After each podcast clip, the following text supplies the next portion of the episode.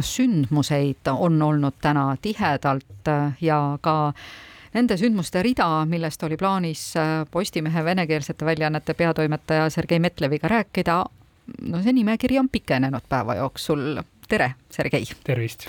ehk esialgu oli äh, mõte rääkida plakatitest, aga nüüd me peame alustama mm, sellest teatest, äh, mis prokuratuur ja kapo pärastlõunal välja saatsid. ja et ma saan aru, et tegemist on ikkagi äh, Eesti kriminaalmenetluste ajaloos ikkagi suhteliselt pretsedenditu juhtumiga, kus kümme inimest on saanud kahtlustuse selles, et nad osalesid põhimõtteliselt organiseeritud grupi tegevuses, mida koordineeris Vene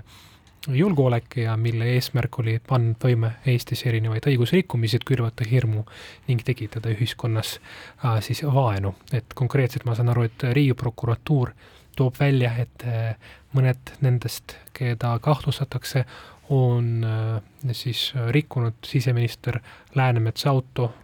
samuti nad on vandaalitsenud ühe ajakirjaniku auto kallale ja ning, ning on siis äh, purustanud äh, memoriaalplaate Sinimäel. et tegemist ikkagi on olukorraga, kus äh, äh, tundub, et, et FSB-l on ikkagi päris palju Eestis äh, variante, kuidas palgata kasulikke idioote või siis vastupidi, mitte kasulikke idioote, vaid isegi võib-olla puhtalt maailmavaateliselt laetud inimesi, et panna Eesti territooriumil toime kuritegusid Eesti kodanike vara vastu. et äh, see on väga tõsine, see nagu toob tegelikult seda hüpoteetilist veene ohtu, millest me räägime juba nii pikalt, äh, koju kohale, küll aga õnneks praegu mitte sõjalises plaanis, aga hoopis sellises plaanis, et kui sa tegutsed siis äh, Vene äh, režiimi vastu, kui sa üritad olla nähtav ja kaitsta Eesti huvisid, siis FSB justkui sellega saadab signaale, et ta mingil kujul saab sind kätte ka siin Eesti territooriumil jah, kombitseid on justkui igal pool, kusjuures sel samal teemal tuleb meil Kuku pärastlõunas veel juttu kuskil tunni aja pärast, siis saame kuulata riigiprokuröri ja Kaitsepolitseiameti juhi kommentaari ka siis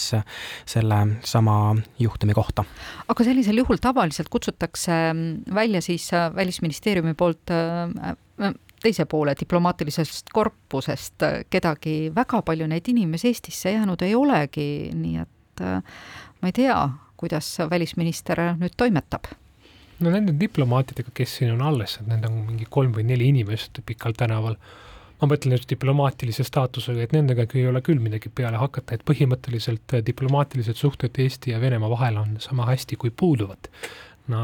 nad ei puudu täielikult, nad ei ole lõpetatud, aga siiski, et äh, jääb selline äh, Äh,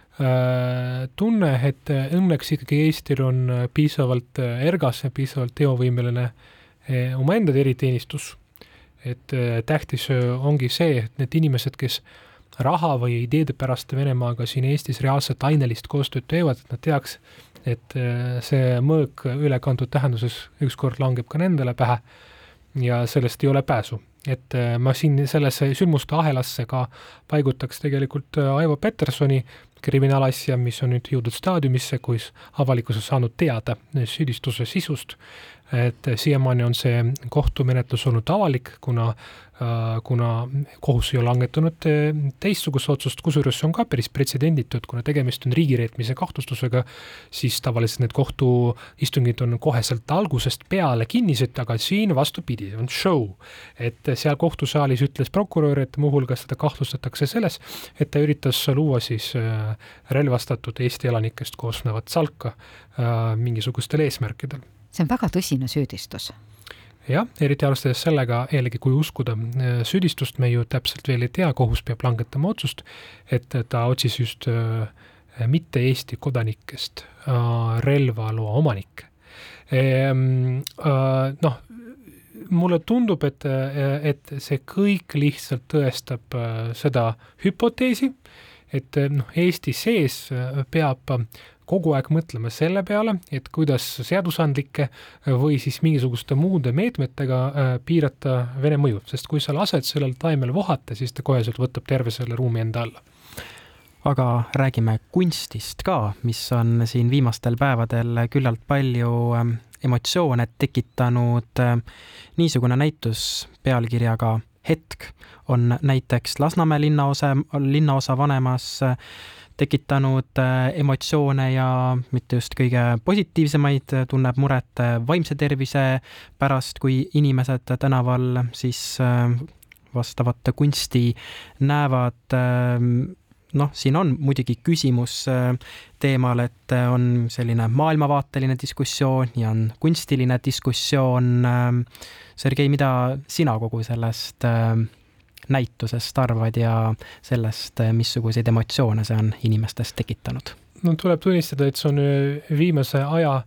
siis nii-öelda aktsioonikunsti selline pärl, kus põhimõtteliselt kõikidel inimestel on mingi arvamus selle kohta, see on väga mõjus, ehk siis reaalsete Tallinna kortermajade taustal on siis äh, reklaamplakat, mis kujutab äh, sedasama maja äh, pommitatud seisundis, ehk siis see on ilmselt tehisintellektiga tehtud, kusjuures väga andekalt tehtud. ühelt poolt ma täitsa noh, olen, olen ise võimeline nägema mingit iva nendes argumentides, et, et Eesti kohal on tugev ohufoon, meie seas on inimesi, kellel on natuke nõrgem närvikava ja kes muretsevadki igapäevaselt äh, väga palju ja see, need äh, visualiseeringud äh, võivad neile mõjuda mingil kujul rusuvalt. ega nad ilusad ju ei ole. jaa, aga, aga samal ajal sellise kunsti eesmärk ongi panna mõtlema, üle elama. teate, mis on katarsis? Te lähete muuseumisse ja näete sellist kunstitükki, mis paneb teid nutma, mis, kus te, mis paneb teid korraks koost lagunema, et pärast jälle äh, kildudest saaks ennast kokku panna, see ongi kunst. ja, ja, ja mina suhtun äh, vaba inimesena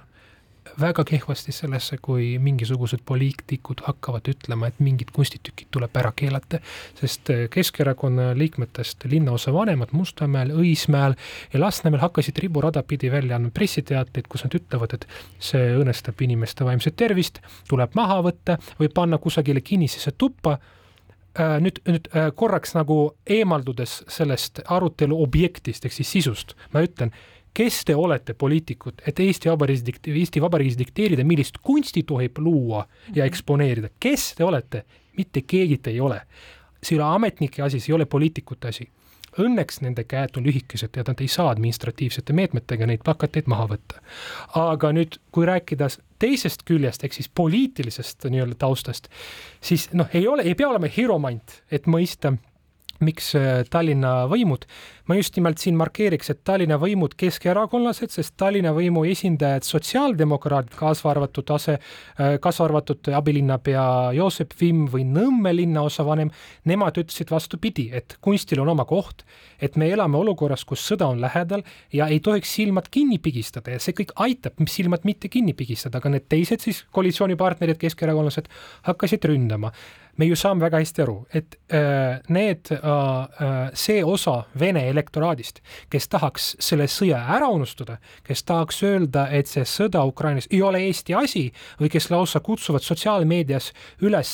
olema neutraalsed, sest see peaks justkui Eesti julgeolekut tugevdama, et see on nende poliitikute mäng sellise valija meelitamiseks. Ja ükskõik milline tugev poliitiline kalkulatsioon seal all ei oleks, see on ebaeetiline tegevus. Sergei, oled sa aru saanud, et kui me need poliitikud kõrvale jätame, et võtame tavalise Lasnamäel elava inimese, et äh, mida tema sellest kunstist arvab, kui ta seal Laagna teel sõidab? Ma ei arva, et see kuidagimoodi ähm, siis äh, tema vaates, eriti kui ta elab selles konkreetses majas, mis on kujutatud pommitatuna, et see on tema arvates hea või me oleme tegelikult äh,, minu kolleegid on täna tänaval käinud Lasnamäel et põhimõtteliselt nagu noh, enamus inimesi ütles, et, et võib-olla oleks parem koht sellel näitusel kuskil, kuskil keldris, eks ole. ma ju saan aru, et enamus inimesi ei taha näha kannatusi, ei taha näha oma linna